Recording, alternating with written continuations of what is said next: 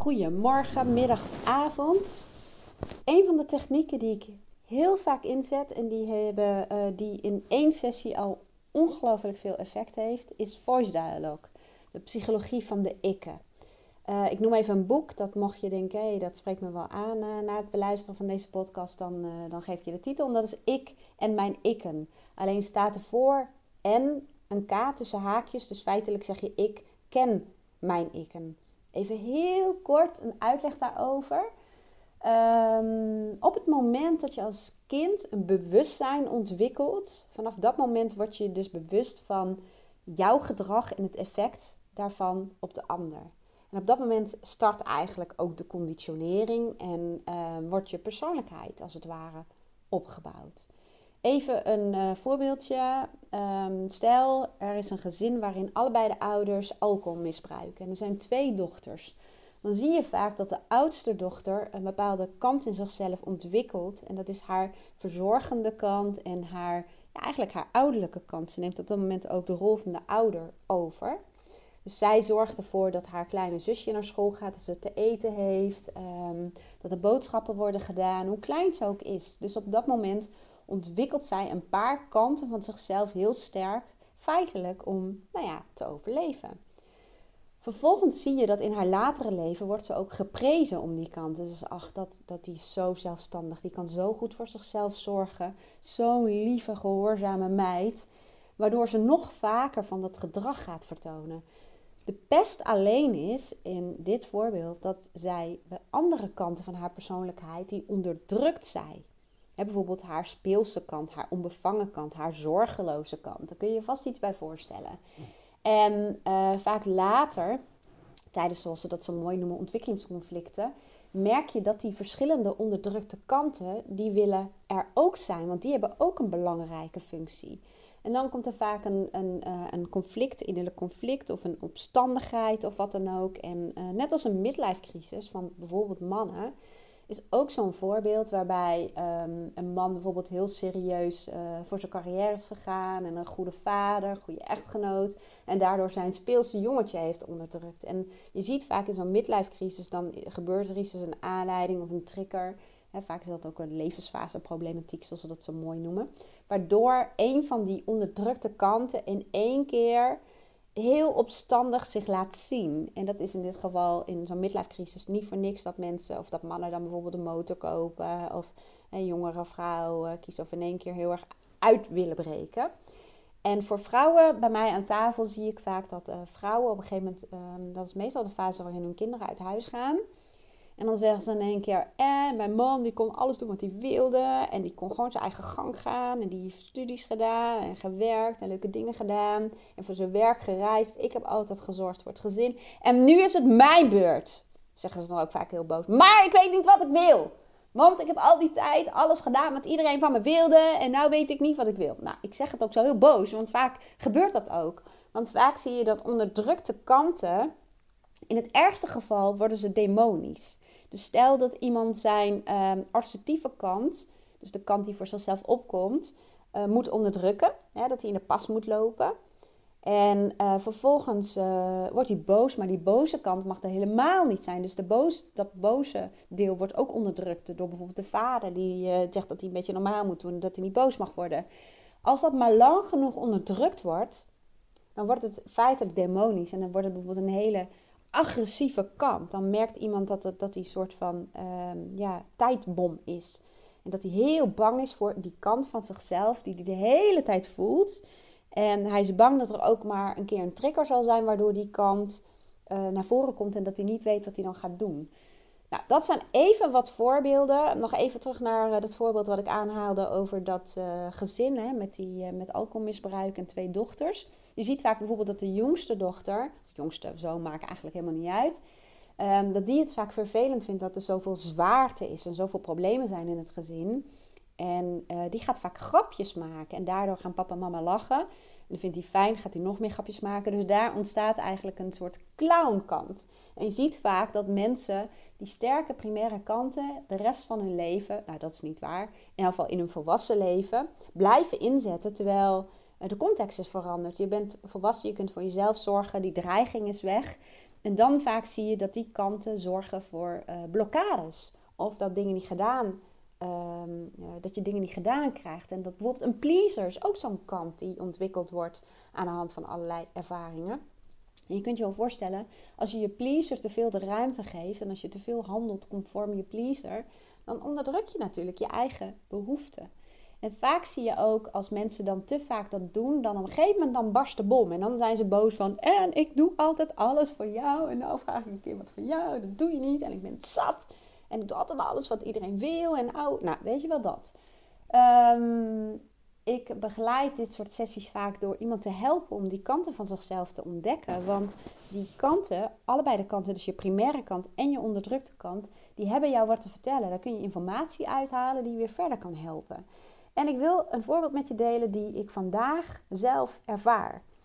Ik heb vandaag een studiedag ingepland. Ik doe namelijk nog een, uh, een uh, andere opleiding, mental coaching, performance coaching. Dat betekent eigenlijk dat je niet gericht bent op problemen, maar dat je mensen coacht om topprestaties te leveren. Dus om echt heel veel uit iemand te halen. Dus alle potentie volledig te benutten. Het is echt super gave opleiding. En ik doe heel veel met mindset en neurowetenschap. En dit is een opleiding die uh, mij helpt om daar nog beter in te kunnen coachen. En um, ik heb dus een studiedag, maar um, die studie, uh, ik, ik kan uh, examen doen eind van het jaar. Maar goed, ik heb in mijn kop gehaald dat ik die opleiding wil vervroegen, zodat ik daarna weer ruimte heb. Ik hou ervan om bijvoorbeeld bepaalde periodes een bepaalde focus te hebben op iets. Focus op de ontwikkeling van mijn online trainingen, focus op de ontwikkeling van de nieuwe techniek, nou, whatever. Dus ik heb in mijn hoofd gehaald dat ik die uh, opleiding eerder af ga ronden. Sterker nog, voor de zomer, dus een paar maanden eerder. Dat betekent natuurlijk wel wat. En dat betekent dat ik um, regelmatig studiedagen inplan om volle focus gewoon alleen maar bezig te zijn met leren. Dan leer ik het snelst. Nou, dat is dus ook vandaag en, um, en deze week trouwens. Dus ik heb deze week vier toetsen kunnen doen. Alleen mijn pusher, dus ik heb ook een sterke kant, uh, een primaire kant. En dat is mijn pusher. Mijn pusher, die zit me de hele tijd op te jutten. Want vandaag merkte ik dat ik even behoefte had om in de zon te zitten. De zon schijnt en um, die is heerlijk warm. Ik heb gewoon zin om even in die zon te zitten. Maar dan zit mijn pusher, die zorgt ervoor dat ik onrust voel. Dat, dat ik bijna weer denk van, ik ga gewoon naar boven en ik ga verder. En ik ga mijn to-do-list afwerken en ik ga uh, weer verder leren. Terwijl ik voel aan alles dat er weerstand is. die pusher die, die zorgt dus, ik zit in die zon, maar ik voel onrust. Ik voel alsof ik in de vijfde versnelling sta en er niet meer uitkom. En dan denk ik, aha. Dus een van mijn primaire kanten is gewoon nu zo actief en die wil, die wil me helpen. Die kant van jou, die, die is functioneel. Dat is een beschermingsmechanisme. Dus je kunt letterlijk en figuurlijk in gesprek gaan met die kant. Ik doe dit zo vaak, ook met mensen en met mezelf, dat het al een soort van ja, natuurlijk proces is geworden. Maar hoe je dat kan doen is bijvoorbeeld zeggen: Oké, ik merk dat ik heel veel onrust ervaar. En um, ik voel de push om weer verder te gaan. En uh, wat is de functie daarvan? Of hè, die kant van mij, de push, wat wil je eigenlijk tegen me zeggen? Hoe raar het ook klinkt, maar zo haal je wel informatie uit die verschillende kanten van jou door ze te beschouwen als, uh, nou ja, als afzonderlijke kanten. En uh, die pusher zegt bij wijze van spreken tegen mij: Jij hebt gezegd dat je um, die opleiding wil doen voor de zomer, dat je dan je diploma wil hebben gehaald. Dus ga nou niet je tijd lopen verspillen. Ga gewoon wat doen. En je hebt ook nog een to-do-list uh, liggen en uh, mailtjes, appjes. En doe het nou maar. Ga maar naar boven. Maak je nuttig. En dat nuttig maken heeft mij in mijn leven heel veel gebracht. Dat heeft mij gebracht waar ik nu ben. En ik heb heel lang alleen voor mijn dochter gezorgd, ook financieel. Ik heb op een hele uh, bijzondere manier carrière gemaakt. Uh, omdat mijn nuttige kant ervoor heeft gezorgd dat ik alle wegen heb bewandeld die nodig zijn om te komen waar ik ben. Dus die kant van mij dient mij. Alleen als die doorslaat, dan word ik er af en toe wel een beetje knettergek van. Want dan wil ik elk moment invullen met nuttige, doelgerichte dingen. Nou, en die weerstand die ik voel, die komt omdat er een andere kant van mij ook wat wil zeggen. En dat is mijn ontspannen kant, mijn losse kant. En daar heb ik vanmiddag, of wat is het, vanmorgen eigenlijk ook even een soort van gesprekje mee gevoerd. Het klinkt alsof je me kunt afvoeren naar het gekkenhuis, hè, alsof ik een stem in mijn hoofd heb. Maar weet, we hebben ook stemmen in ons hoofd. We hebben de hele dag door gedachten, wel 60 tot 70 gedachten per dag. En dat zijn van die stemmetjes ook die uh, zeggen: Oh, dat had je niet moeten doen. Of stom zeg. Of dat je anders aan moeten pakken. Of uh, jee, wat zal die nu denken? Of uh, dat, nou, dat is wel gemeen wat je hebt gedaan. Weet je wel, dat zijn dus feitelijk ook stemmetjes die afkomstig zijn van je verschillende kanten. Nou, wat ik heb gedaan, ik dacht: Oké, dus er is ook nog een ontspannen losse kant van mij. En die wil ook wat zeggen. Dus het helpt soms om op een andere plek te gaan staan. Daar ga ik nu even niet op in waarom dat is. En ik ging luisteren, wat heeft die kant te zeggen? En die kant zei, ik wil je er even aan helpen herinneren dat je vanmorgen best wel moe wakker werd. Want je bent heel vaak wakker geweest vannacht. Hè? Er waren veel geluiden van buiten. En uh, dan kun je wel fijn in je kop hebben gehaald dat je vandaag die studiedag hebt. Maar je hebt nog ruim de tijd. Al zou je vandaag niks doen, dan ga je het nog moeiteloos redden. Je hebt nog zoveel tijd om dit te doen. En je leert heel efficiënt. En ik wil je alleen maar aangeven, de zon schijnt. Ga gewoon eens even lekker in die zon liggen en geef jezelf een uur. Zet desnoods de wekker. Ga liggen, doe je ogen dicht en ga eens kijken hoe je je na een uur voelt. Waarschijnlijk heb je dan veel meer energie en dan gaan de dingen moeiteloos. En dan, heb je, ja, en dan ga ook gewoon kijken, wat is het hoog nodige wat je vandaag wilt doen? Wat is echt belangrijk vandaag om te doen? En doe dat alleen. En fuck je to-do-lijst als je voelt dat er behoefte is aan opladen, doe dat dan ook. Je bent verdorie ondernemer geworden omdat je vrijheid zo belangrijk vindt. En nu kan dat. En dan zit je jezelf op te jutten. Dus dan zorg je er eigenlijk voor dat je zelf gewoon nog steeds, um, uh, ja, dat klinkt een beetje bruut, loonslaaf in je eigen bedrijf bent. Wat nou vrijheid? Vrijheid is dat als de zon schijnt en je kunt je permitteren ik bedoel, je hebt omzet genoeg, je hebt klanten genoeg. Uh, ga in die zon liggen en ga er gewoon van genieten. Dus snap je hoe dat werkt? Dus ik laat die ontspannen kant even aan het woord, of ontspannen losse kant, hoe je het ook wil noemen. En die vertelt me eigenlijk dat ik een sterke behoefte heb aan even opladen. Maar die pusher, die blijft maar hameren. Ga nou door, ga nou gewoon door. Je hebt uh, nog zoveel uur en dan uh, komt Aaron dan thuis en Luc al thuis. Dan heb je geen tijd meer. En. En die ontspannen kant wil alleen maar zeggen, je voelt een behoefte om te ontspannen. Je houdt enorm van de zon. De zon schijnt, die schijnt ook voor jou. En ga GVD in die zon liggen. Um, ik, uh, het, is, kan soms een beetje ongemakkelijk zijn van hoe hè, in gesprek gaan met je kanten. Wat is dat nou eigenlijk? Maar weet dat al die kanten die in jou actief zijn, dat, dat, die hebben een, een, een doel. En dat is om jou te beschermen. We hebben allemaal bijvoorbeeld ook een innerlijke criticus die ons bij wijze van spreken de hele tijd op onze kop geeft. En daarin hoor je ook de stemmen uit je verleden. Dus de dingen die je vader tegen je zei. Eh, bijvoorbeeld, uh, mijn vader zei altijd tegen mij dat ik een dromer was. En daar zat altijd een hele negatieve lading achter. En hij kon, mijn, um, hij kon niet in mijn hoofd kijken. En ik zat altijd maar te dromen en ik zat altijd maar te denken. En als je mij kwijt was, dan zat ik ergens achter de bank met een boek. En hij had op de een of andere manier, achteraf denk ik gewoon projectie, uh, soms een beetje aversie, omdat hij niet kon peilen wat gaat er in dat hoofdje om. Dus de associatie met dromen um, was voor mij heel negatief. Dus soms merk je dat mijn innerlijke criticus, als ik aan het dromen ben, zegt van hou nou maar op met dromen, ga nou maar gewoon doelen stellen of maak ze niet te, te, groot of dromen zijn bedrog of whatever. Er komen allemaal dingetjes naar boven. Dat heb ik overigens niet meer hoor. Maar er was wel een periode dat ik dat had. En net als dat, um, als ik aan het tekenen en kleuren was en een tekening liet zien aan mijn vader, dan, ja, dan besteedde hij er weinig aandacht aan. Dus ik voelde me al, ja, dan gekwetst. Maar, dus ik liet het wel uit mijn hoofd om die tekeningen te laten zien. En dan merk je dat je eigenlijk een beetje schaamte gaat ontwikkelen voor een bepaalde creatieve kant van jou. Want mijn vader had ook een pusher, die vond dat niet nuttig. En ik zat heel veel achter de computer. En ehm, ik was daar al heel jong heel slim mee, omdat mijn vader um, ja, mij erachter heeft gezet. En ik vond dat gewoon heel leuk om te doen. En dat vond hij fijner als ik dat deed. En dus ik deed dat ook meer. A, omdat ik leuk vond, maar Ook om de goedkeuring van mijn vader te krijgen. Dat is vaak waarom bepaalde kanten in jezelf zich ontwikkelen. En toen ik eh, stopte met systeembeheer, ik ben systeembeheerder geweest. En uh, ik bouwde websites. Um, toen voelde ik ook alsof dat alsof ik niet meer loyaal was naar mijn vader. Omdat dat een kant was die hij uh, kon omarmen. Omdat hij ook uit de techniek komt, om het zo te zeggen, de IT. Nou, snap je een beetje? Ik hoop dat ik in een uh, notendop een beetje jou een beeld heb kunnen geven van hoe dat werkt met de verschillende kanten van jouw persoonlijkheid. En hoe ze voor je kunnen werken en tegen je kunnen werken. En hoe je dat patroon kunt doorbreken.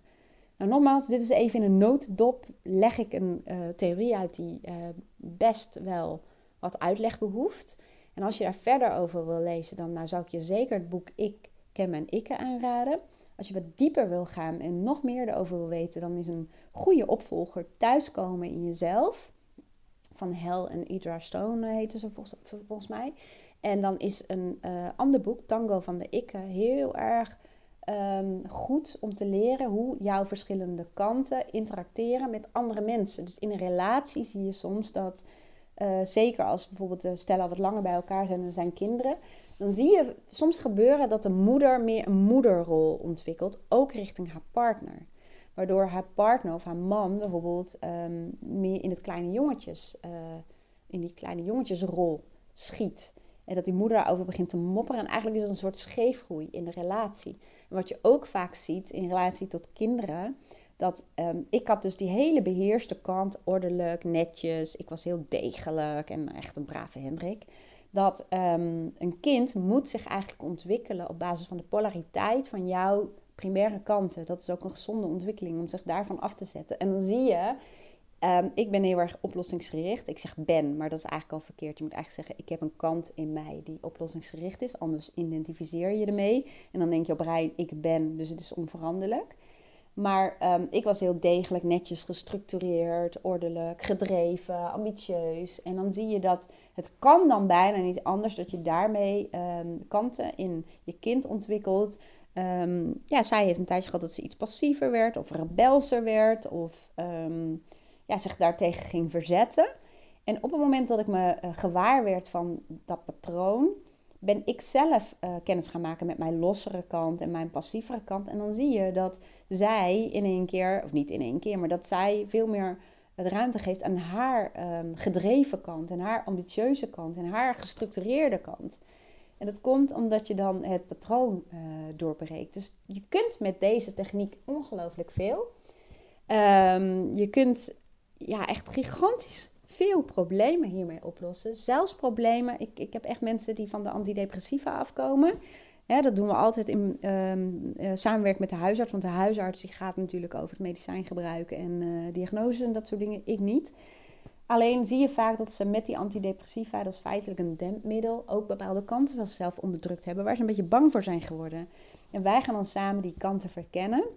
En dan merk je in samenwerking met, uh, met bijvoorbeeld een huisarts dat ze af gaan bouwen en dat ze die kanten leren kennen waar ze bang voor waren. Nou, en dan gaat er gewoon een wereld voor je open. Dus ik ben zo ongelooflijk enthousiast ook over deze uh, nou ja, techniek. Dus ik nodig je ook van harte uit om een keer een losse sessie uh, te boeken om dit samen met mij te doen. Uh, maar je kunt ook heel veel zelf doen. En dat kan vooral door die boeken te lezen. En ik ga binnenkort ook een, een training hierover ontwikkelen. En daarnaast, ik begeleid groepen die begeleid ik in het echt, dus gewoon echt ook in een groepje. En daar doe ik dit soort dingen ook mee. En die begeleid ik ook in het dagelijks leven elke dag. En daar gebruik ik natuurlijk het internet voor. Dus een online community waarin ik ze begeleid. En daarmee doe ik dit soort dingen ook. En daar uh, deel ik ook dit soort praktijkvoorbeelden. En help ik mensen ook met de ontwikkeling van hun eigen kanten en het verkennen van die kanten. Dus mocht je daar interesse voor hebben, dan um, zou ik willen vragen om me even te appen of te mailen. Want ik moet wel eerlijk zeggen, om de kwaliteit van zo'n groep goed te houden, heb ik wel een soort van screening. Um, dat betekent dat als je in een groep terechtkomt, wil ik natuurlijk dat iedereen ook wat aan elkaar heeft. En dat je wel een bepaald commitment levert en dat je um, nou ja, aan elkaar gewaagd bent. En dus ik sorteer, of ik stel groepjes samen op basis van uh, levensvraagproblematiek, maar ook waar in welke fase bevind je je, zodat je een uitdaging voor elkaar kunt zijn, dus van elkaar kunt leren en elkaar ook dingen kunt leren en elkaar mee kunt uh, trekken. Dus uh, mocht je daarin geïnteresseerd zijn, dan neem even contact met me op en dan neem ik dat even met je door. Dan vertel ik je wat meer erover en dan kun je altijd kijken, is dat wat voor mij of niet. Ja, en je kan altijd zeggen, ik, ik draai een keer een live meeting mee om te kijken nou ja, hoe ik dit vind. Ik wil je bedanken voor het luisteren. En ik wens je een hele fijne dag. Um, wat ik ga doen met uh, de inzichten die ik vandaag heb opgedaan is um, in de zon liggen. Dat begreep je al wel. En vervolgens uh, ga ik even lekker verder met leren met to-do-list. En ik luister vooral heel erg naar mijn behoeften. Nou, nogmaals dankjewel voor het luisteren en een hele fijne dag.